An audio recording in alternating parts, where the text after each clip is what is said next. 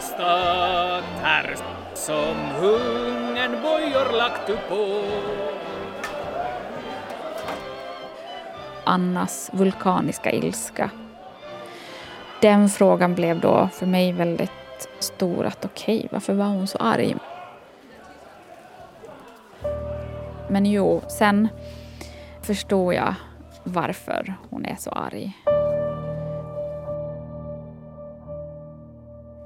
I programmet Den kompromisslösa socialisten berättar Anna Lindholm om hur Anna Viks och hennes mans, riksdagsmannen Karl Harald Viks liv påverkades av deras omutlighet. Deras vägran att vika sig. Var de för omutliga? Eller var det samtidigt bra att de var det? Anna Lindholm har skrivit boken Den rätta färgen. Hon säger att i mötet med Anna Wik är det omöjligt att inte ställa sig frågan hur stort är mitt eget mod? Hur skulle jag välja? Välkommen med till Dokumenterat. Mitt namn är Mi Vegelius. Anna Lindholm, om du sluter dina ögon och ser Anna Wik framför dig, så vad ser du? Jag ser en människa med skarp, vaken blick. Det är väldigt mycket ögonen jag ser hos Anna Wik när jag blundar och tänker på henne. Och hon är väldigt livlig i sitt eh, rörelsemönster eh, och pratar. Jag ser att munnen rör sig. Hon har mörkt hår och eh, den där skarpa blicken är det som hela tiden fastnar hos mig. Att hon liksom intellektuellt och politiskt var väldigt sådär benhård. Det här mer hårda, rättframma. Eh, de sidor hos henne som, som många har reagerat ganska starkt på under hennes liv. Både från hennes tonår och ja, genom hela livet, hennes vuxna liv också en helt tydlig, livlig, argsint men väldigt rolig person också. Anna Forsström, som Anna Wik heter före hon gifter sig, växer upp på Gräsviksgatan i Helsingfors. På den här tiden, kring sekelskiftet 1900, är de här kvarteren fattiga. Hennes pappa är först polis Sen tjänar han familjens levebröd som bageriidkare. Han arbetar alltså i ett bageri. Vad hennes mamma gjorde vet vi inte. Så Anna Forsström växte upp liksom fattigt men ändå tryggt. Och så vet vi att hennes uppväxthem inte är ett hem där man så mycket diskuterar politik.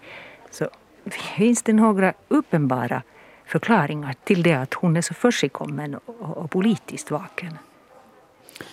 Det var en sån sak jag var intresserad av med Anna Wik. Att hur kom det sig att hon var så, så otroligt övertygad om socialismen och att den röda färgen är den rätta färgen. Och eh, alltså på, på något sätt så kanske just det här opolitiska hemmet också var någon slags lite provocerande för henne när hon börjar liksom förstå de här sakerna med att, att arbetares liv skulle inte behöva vara så här fattigt och hårt. Och hon börjar liksom se de där klasskillnaderna väldigt tydligt. Så på något sätt så kan det hända att den där opolitiska familjebakgrunden faktiskt har gett henne faktiskt driv. Skulle man kunna tänka sig. Att, att bli så politisk som hon sen blev. Eh, så när hon då var 14 år och storstrejken pågick i Helsingfors 1905 så eh, var det någonting där som slog an i henne. När hon såg eh, de här människorna ute på gatorna och hon hörde en massa politiska tal.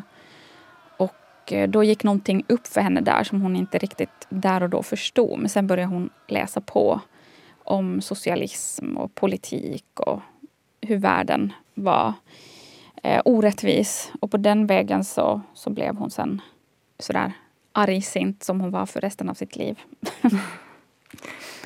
Och två år senare, sen, 1907, så, så går hon med i det svenskspråkiga socialdemokratiska ungdomsförbundet och, och blir resten av sitt liv en centralgestalt i Finlands arbetarrörelse.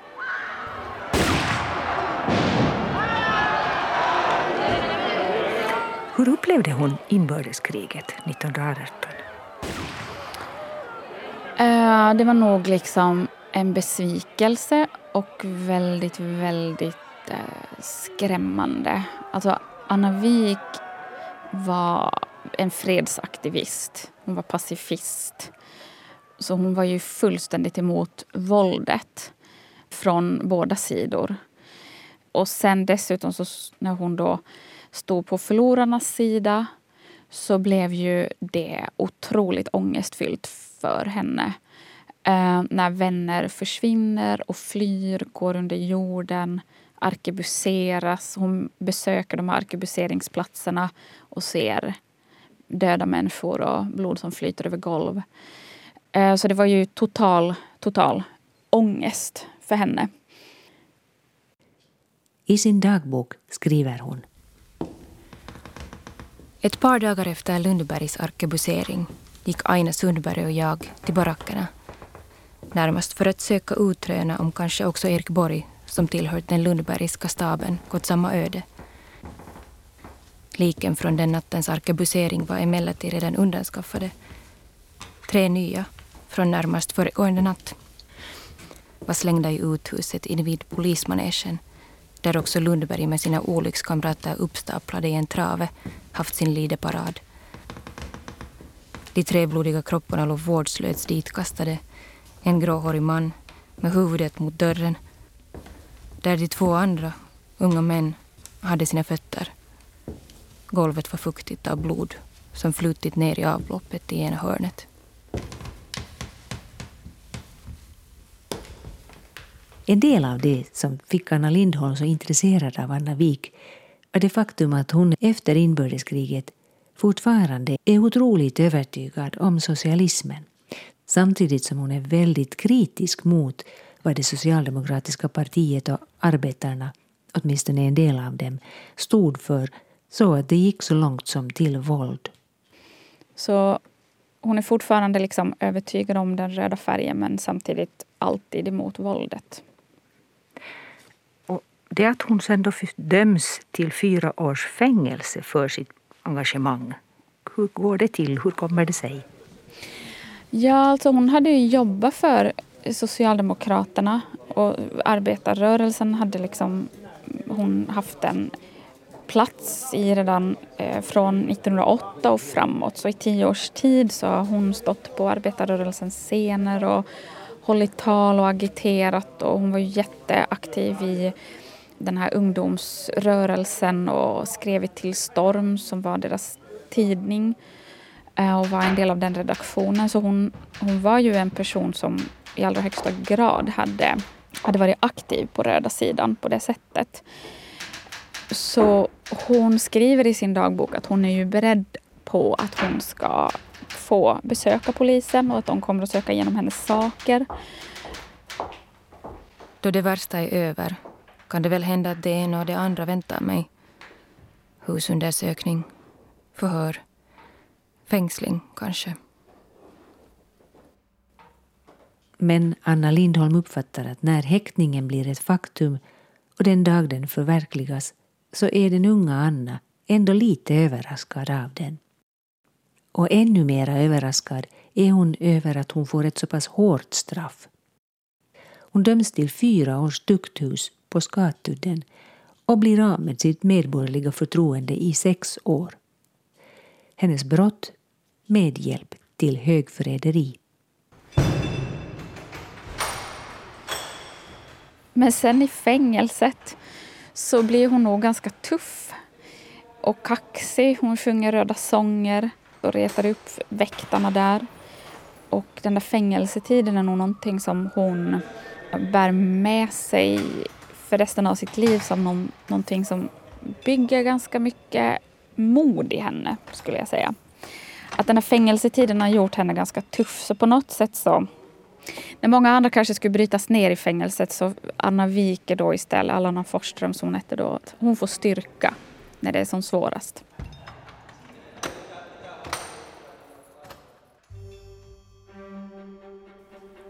Någonting, eller någon, gör henne ändå knäsvag här under den här tiden. Han heter Karl Harald Wik och i mars 1918 så skriver Anna i sin dagbok. Det är egendomligt att jag ej kan komma över den nervositeten och skyggheten jag alltid känt i hans närvaro. Jag är nervös. I synnerhet har jag blivit det den sista månaden. Och häftig är jag också. Men jag vet att jag i grunden är varken elak eller retlig eller oförnuftigt nyckfull. Men det är just sådan jag måste förefallit honom. Och orsaken därtill ligger nästan enbart i min oförmåga att vara mig själv i hans närvaro. Men på grund av inbördeskriget blir Karl Harald nu tvungen att gå under jorden. Och på sin födelsedag, den 5 mars, tar Anna farväl av denna man som gett henne rikedomen att kunna älska. Min kära, kära älskade. Min längtans lön blev alltså ett farväl. Kanske för alltid.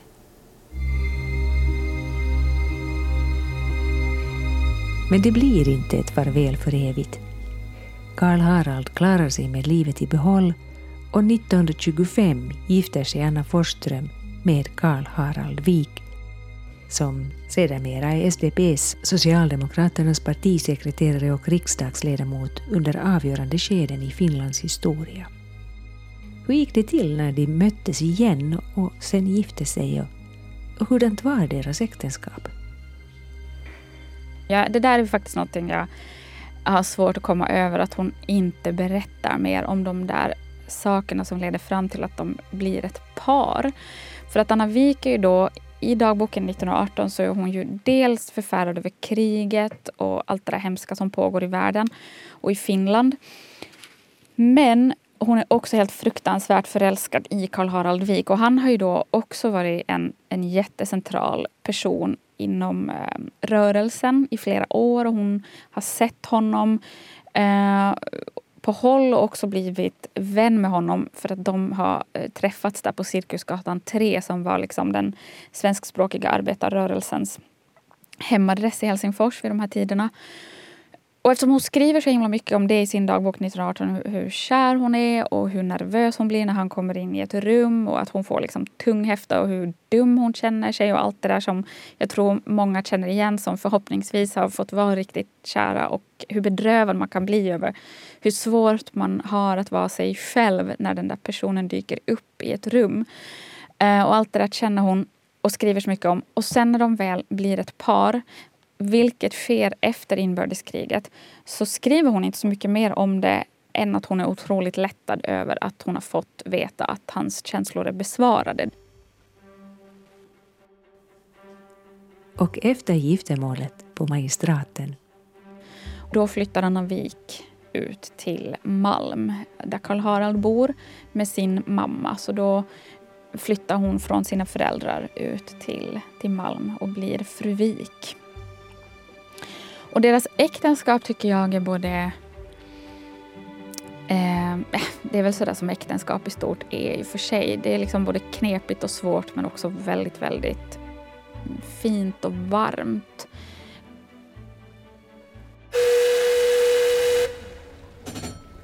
Samma år de gift sig, alltså 1925, reser Karl Harald ut i Europa, bland annat för att underhålla partiets internationella kontakter. Avskedet känns svårt där i hamnen och i sitt första brev hem skriver Karl Harald, eller Kaius, till Anna. Det kändes helt smärtsamt att fara. Kanske jag är förut känt så livligt hur mycket du är för mig. Jag önskar jag än en gång hade kunnat kyssa ditt kära ansikte som tårats för min skull. Jag märkte att du försökte le när båten la ut. Du innerligt kära.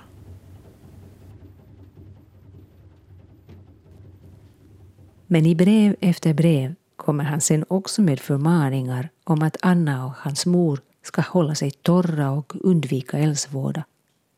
Han påminner Anna om att vara försiktig med strykjärnet och Mamma ska ha torrt på sig efter att ha varit i trädgården. Såg du? Så han ber Anna att gnugga sin svärmors fötter och ta på torra strumpor. Karl Haralds syn på plikttrogenhet, också den kommer fram här. En individ i ett samhälle har plikter gentemot samhället.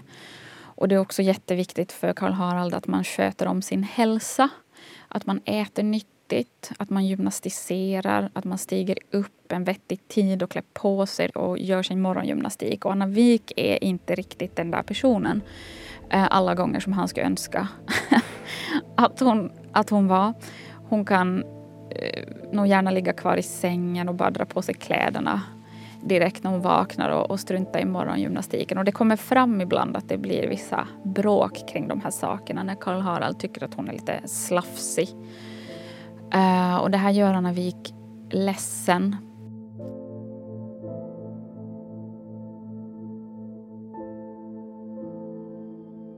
Men politiskt verkar Anna och Karl Harald hela vägen vara väldigt samstämmiga.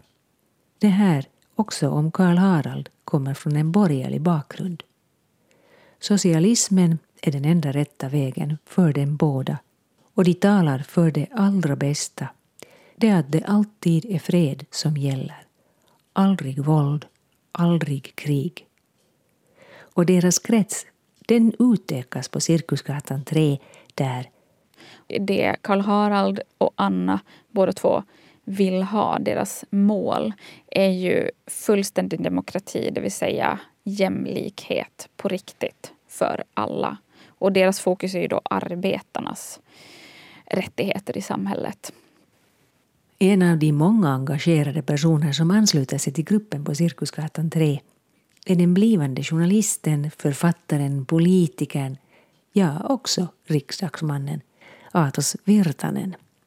Han som idag kanske är mest känd för att han under 1940-talet var Tove Janssons partner ett tag och också förlovad med henne. Men här får vi möta en ännu mycket ung Atos som nu för andra gången har kommit från Åland för att försöka skapa sig en tillvaro i huvudstaden. Och snart befinner sig Anna och Atos i djup dialog med varandra.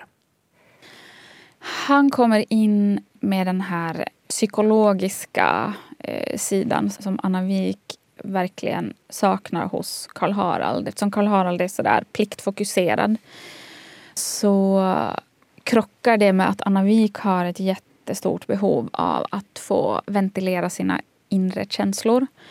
Eh, hon har ett jätterikt inre liv som hon vill bejaka. Så hon läser mycket filosofi och religion är hon intresserad av. Och Atos Virtanen var ju också otroligt eh, intresserad av filosofi och var en sån där autodidakt som läste Nietzsche. Precis som Anna Wik gjorde. Så att Anna och Atos har en jätte nära relation. Det har till och med gått rykten om att de kanske skulle ha haft någon slags mer intim relation. Och det, det, vet jag inte. Första gången jag fick höra om det så sa jag bara sådär Nej, det kan, det kan absolut inte ha varit något sånt. Att Anna Wik var ju liksom så fullständigt eh, förälskad i sin man. Men sen har jag nog faktiskt lite funderat ibland att kanske någon gång skulle kunna ha hänt någonting. För det är så otroligt starka känslor mellan Anna och Atos. Och, och de uttrycker sig nog ibland i ordalag av att det faktiskt skulle vara mer än bara vänskap och ganska starka eh, förälskelsekänslor och svartsjuka och... Hellre död för dig än i ditt hjärtas periferi. Jag visste väl att jag stod dig andligen närmare än kanske någon annan. Men hjärtat, du vet att jag fördömde min känsla, men förneka den kunde jag inte. Du vet också att jag inte med min vilja begärde dig och intet älskade blott det, att få vara i en särställning och utan att störas av annat och andra. Var det för mycket? Kanske. Minns du när jag en gång bad dig komma till mig? Att du då sade en annan gång. För mig har du blivit det djupaste som människa, men starkaste som kvinna. Jag glömmer dig nog inte. Ty hur skulle man kunna glömma sitt liv? Dels ville jag på något sätt återknyta och bevara vad som bevaras kunde. Dels ville jag i egenskap av den olycksaligt förälskade bryta helt. Atos kan skriva till Anna att, att han klarar inte av att hon pratar och är tillsammans med andra människor. Han vill bara ha henne för sig själv. Och då blir Anna stressad och vill bryta med honom. Alltså de har en sån här stundvis jättetät kontakt och nära, väldigt fin vänskap och stundtals så är det liksom svartsjuka och bråk. Men det som hon liksom får av Atos är just den här psykologiska sidan. Och hon skriver att Karl Harald är så otroligt opsykologisk. Hon brukar ibland försöka liksom prata psykologi med honom men, men det, hon når inte fram med det till honom. Och sen är ju Karl Harald jättemycket ute och reser som riksdagsman. Han är jätteupptagen eh, som partisekreterare. Så han är väldigt mycket borta. Så att jag, jag tror att Atos också eh, blir en viktig vän av den anledningen. Att, att hon är mindre ensam. Men vid Hitlers maktövertagande i Tyskland 1933 tar Anna Viks liv en ny vändning, konstaterar Anna Lindholm en vändning utför för att sen liksom bara rulla utför mot katastrof. Hitler tar makten i Tyskland och det här gör att Anna Wik eh, börjar bli väldigt orolig för vart världen är på väg. Och eh, först så är ju SDP, deras parti, med, med dem. Men efterhand som 30-talet pågår så börjar liksom partiet ändra riktning. Medan Anna Wik och Karl Harald och några till inte följer med partiet. Och 1937 så går SDP med på militarisering och upprustning på grund av hur Hitler då far fram och hur världen börjar bli mer och mer hotfull och att ett krig möjligtvis kan vara på kommande. Och det gör att eh, Karl Harald och Anna blir liksom mer och mer på kant med eh, SDPs övriga medlemmar. Och eh, de försöker då protestera mot upprustning och militarisering. Men eh, det leder till att de istället utesluts. Och det är inte enbart Karl Harald och Anna som blir på kant med partiet 1940 utesluts den så kallade socialistiska riksdagsgruppen ur riksdagen. Året därpå, 1941, började de kalla sig för Sexlingarna. Och eh, de har då med sin eh, tidning eh, försökt nå ut med sitt budskap och bilda opinion. Men eh, de blir liksom bara mer och mer trängda och de får väl en chans att haka på partiets väg men de vägrar och med det så måste de då, de här sexlingarna med Karl Harald i spetsen, lämna partiet. Och Anna vänder ryggen åt Atos Virtanen här. Varför?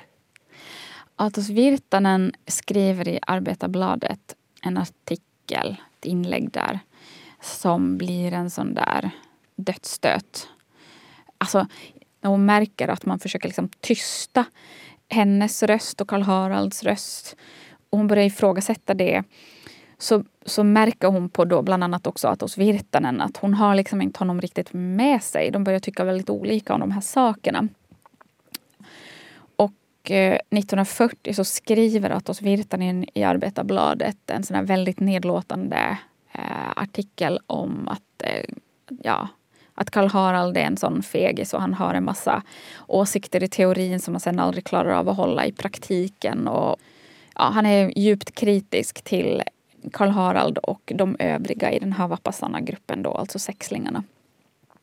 Och det här är ju då förnedrande, tycker Anna. att hennes liksom väldigt, väldigt nära vän plötsligt skriver en sån här oerhört eh, nedlåtande artikel. Så efter det så pratar hon inte ett ord med honom någonsin mer i livet. Och det är lite så hon funkar. Om man sviker Anna Wik då är man aldrig, aldrig, aldrig mer och får hennes förlåt. Det kommer aldrig att ske.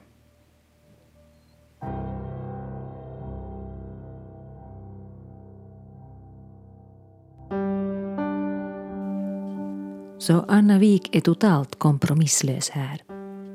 Och Karl Harald för sin del, han är alltså nu utesluten ur partiet, men som folkvald så kan han fortsätta att vara riksdagsman. Och i slutet av juni 1941, precis när fortsättningskriget står för dörren, så håller han ett tal i riksdagen.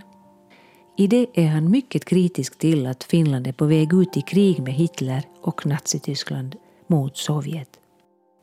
Finland ska givetvis fortsätta att vara ett självständigt land men Karl Harald menar att man i krigsplanerna framför allt inte har arbetarna och inte heller finländarna i övrigt med sig.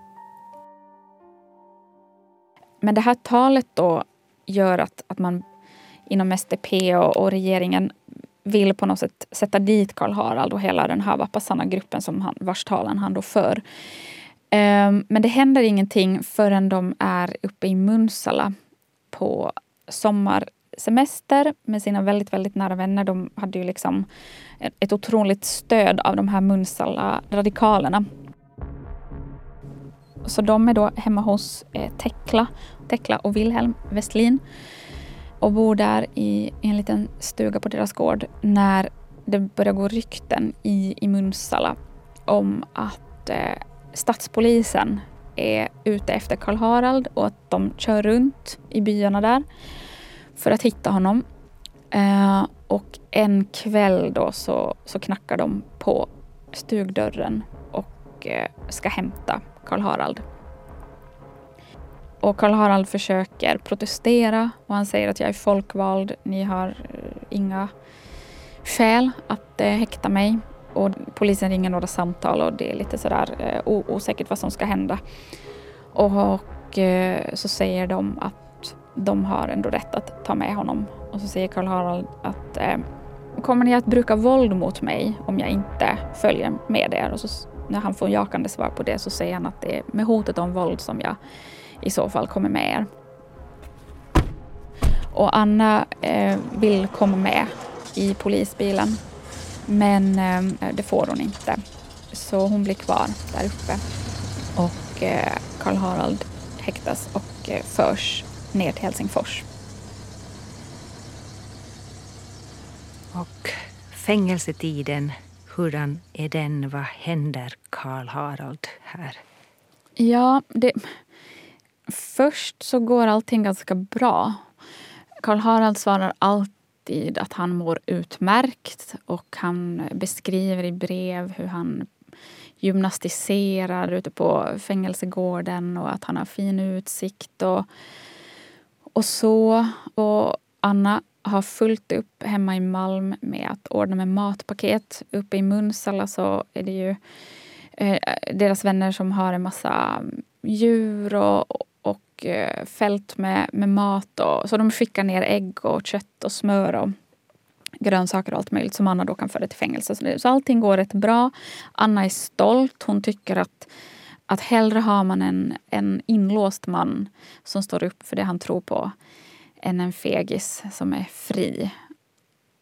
Det som ju då, dock hela tiden är väldigt oklart det är vad de egentligen ska sätta dit sexlingarna för. Jag tycker att det är liksom en ganska sån Kafka-artad process som, som drar igång. Men det som är den stora frustrationen för Anna är ju att, att allt det här sker i dunkel för eh, de vanliga människorna. Det skrivs ingenting i tidningarna om vad Karl Harald sen någonsin säger i rätten. Och den här isoleringen, det är väl det som tar väldigt hårt på Anna. Alltså den här liksom intellektuella isoleringen. För att eh, de har ju liksom försökt nå ut med sitt budskap om att det viktiga nu är att eh, Finland står upp för fred, att man inte upprustar. Det är det som har varit deras liksom stora eh, tes från 37 och framåt. Men det blir ju ändå krig och, och, ingen väljer den här vägen som de vill att man ska ta. Alltså stå neutralt. Finland borde stå neutralt för att på så vis liksom stå upp för demokratin. Eh, men de når liksom aldrig riktigt ut med det här tycker Anna. Och hon upplever att liksom partiet censurerar dem. Och det här sker också när han sitter i fängelse, Karl Harald och de andra sexlingarna. Så det är en sån här mentalt tung tid för henne. Även om Karl Harald än så länge mår bra. Men sen åker han längre och längre in i fängelsesystemet och han blir sen isolerad i Riihimäki. Och då får hon inte överhuvudtaget ens ha kontakt med honom. Och han fyller 60 år där i fängelset och då eh, får hon besöka honom till slut efter lite bråk. Men då bestämmer hon sig ändå för att hon inte vill besöka honom. För hon tycker att det är alltför liksom fruktansvärt att träffa eh, honom under bevakning som ju det då skulle vara. Så hon vill hellre få rätt att skriva ett brev till honom. För när han sitter isolerad får hon inte överhuvudtaget skicka brev. De får inte ha någon som helst kontakt med varandra. Eh, och då är hon ju livrädd för att hon en vacker dag bara får ett samtal om att, att han har blivit mördad i fängelse. Men det vågar hon knappt ens säga högt. Till slut tar Anna Wik, som är under bevakning, en risk och sänder iväg en artikel för publicering i Sverige.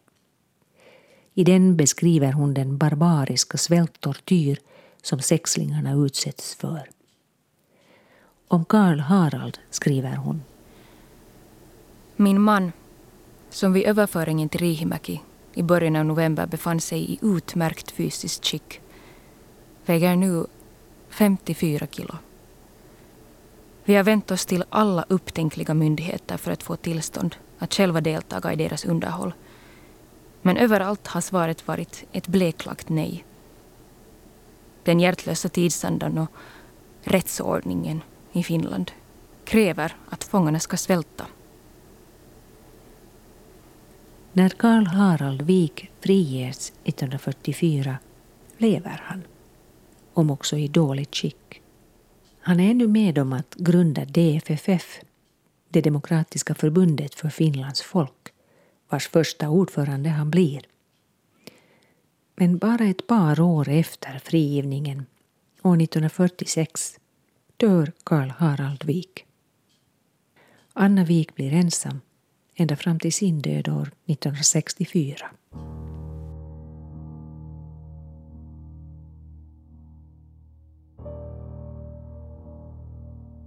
Och den här frågan som drev dig in i arkivet, att vad det var som gjorde Anna Wik så arg?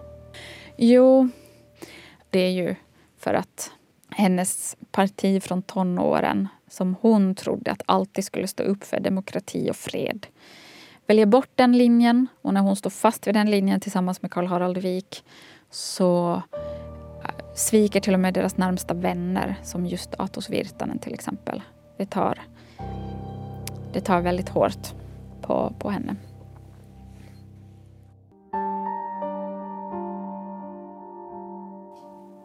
Många år senare skriver Atos Virtanen i sitt verk Mot mörka makter att brytningen med Anna och Karl Harald tillfogar honom sår som aldrig blivit läkta. Men kanske hade jag tur. Jag är inte alls säker på att min natur hade lämpat sig för ett flerårigt fängelsemartyrium. När man tittar på vad som hände idag, så här många år senare, så är det ju så svårt att förstå att där och då var Finland i ett läge där en person som Karl Harald som for runt på arbetarmöten och stod på scener i slutet av 30-talet för att tala mot militarisering och upprustning. Och han varnade för krig och talade för fred. Att det var någonting som liksom statspolisen och regeringen såg som ett hot mot Finland. Det, det, blir så konstigt med våra ögon idag, tycker jag i alla fall. Att, att stå upp för fred och mot upprustning, att det var eh, högförräderi och landsförräderi. Men, men det var såna tider. Och Anna Wik ser ju egentligen på det eh, då som, som vi kanske ser på det idag. Eller vi, vem nu det är. Men, men på något sätt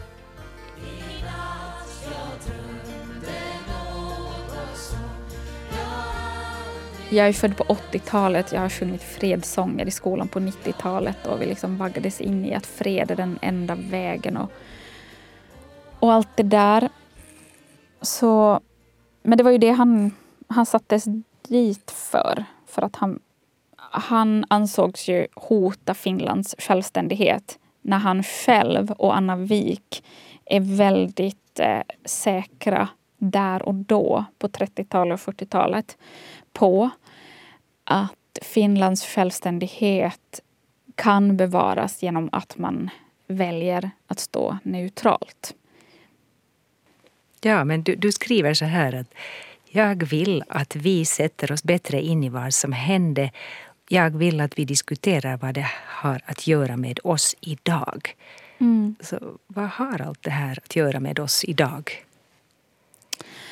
Det är ju nog verkligen tider idag, precis som då, utan att vi alls vet vad som ligger framför oss nu. Men vi behöver ju verkligen fundera hur vi ska bevara freden, hur vi ska bevara demokratin och försvara den. Det ser vi alla möjliga exempel på. Så då tänker jag, då är ju Anna Wik verkligen och eh, får oss att fundera på att okej, okay, hur mycket ska vi kompromissa? Hon ville ju absolut inte kompromissa. Det tyckte hon var fegt. Um, gjorde hon rätt? Eller gick hon för långt i sin kompromisslöshet? Så att jag tänker väl på något sätt har väl Anna Viks liv och hela hennes sätt att vara och tänka på något sätt fått mig kanske att eh, ställa fler frågor än vad jag har fått svar. Men det är väl kanske just de där frågorna som jag tänker att vi, vi behöver ställa oss och fundera kring och prata om tillsammans.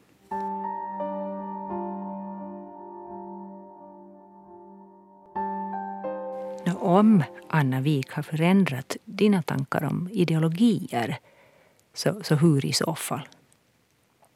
Mm.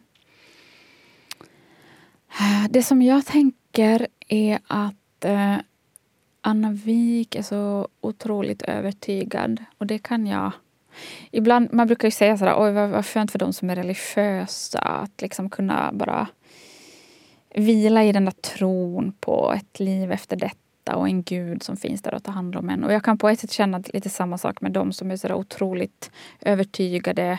Som Anna Wik, skriver in sig i ett parti eh, och tror verkligen på att följer vi bara den här vägen så kommer allt att bli bra. Men du funderar också över det att i mötet med Anna Wik är det omöjligt att inte ställa sig frågan hur stort mitt eget mod är. att Skulle jag stå upp för fred och demokrati även om mitt liv står på spel? Är jag Anna Wik eller Atos Virtanen? Um, men är, är den här frågan rätt ställd? Nej, man kan säkert ställa uh, flera frågor eller formulera sig på annat sätt. Jag tänker Atos Virtanen um, jag kan ju förstå honom. Alltså det var ju farligt och han skriver själv i sin biografi sen på 60-talet att, att han hade fel. Karl Harald Wik hade rätt, skriver han. Men att eh, han hade nog ändå inte själv, Atos Virtanen, alltså klarat av att, att eh, sitta i fängelse. Att, och jag, jag tror väl att jag själv lutar ditåt också.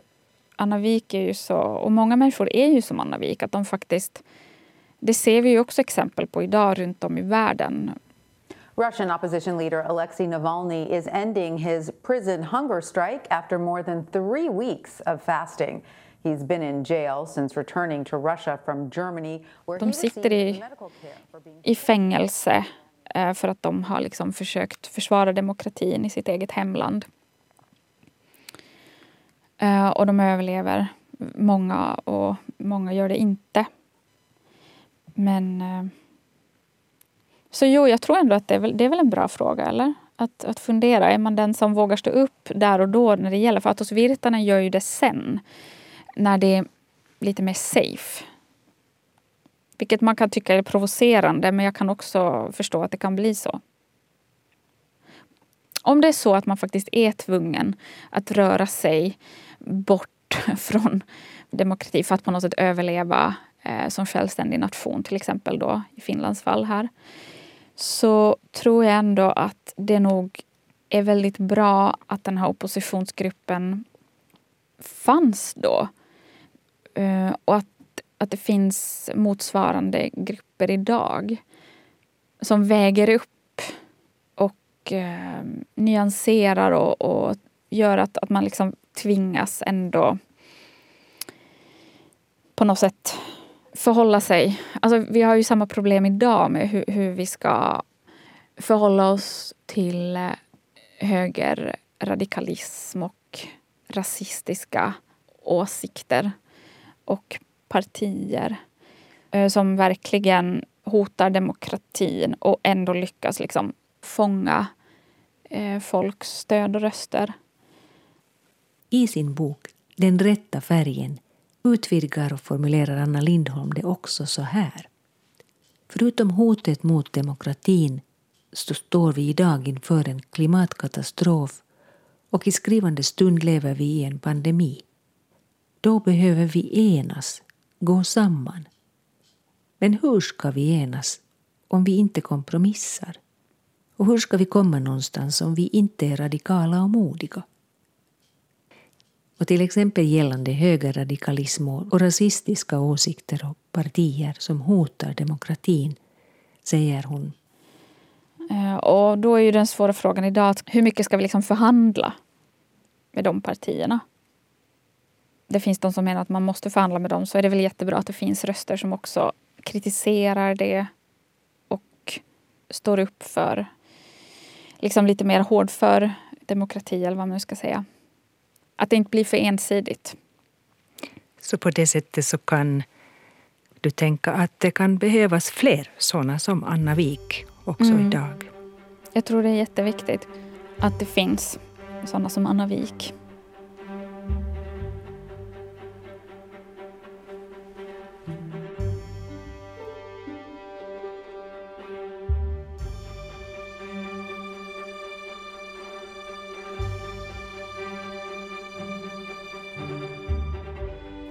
Är dokumenterat i programmet Den kompromisslösa socialisten berättar Anna Lindholm om Anna Viks och hennes mans, riksdagsmannen Karl Harald Viks, omutlighet. Anna Lindholm har också skrivit om Anna Wik i böckerna Projekt Ines och nu i boken Den rätta färgen. Brev och andra citat ur Den rätta färgen lästes av Saga Sarkola Leo Gammals och Joakim Vigelius. Ljuddesignen gjordes av Jyrki Häyrinen. Producent Staffan von Martens. Redaktör jag, Mi Vegelius.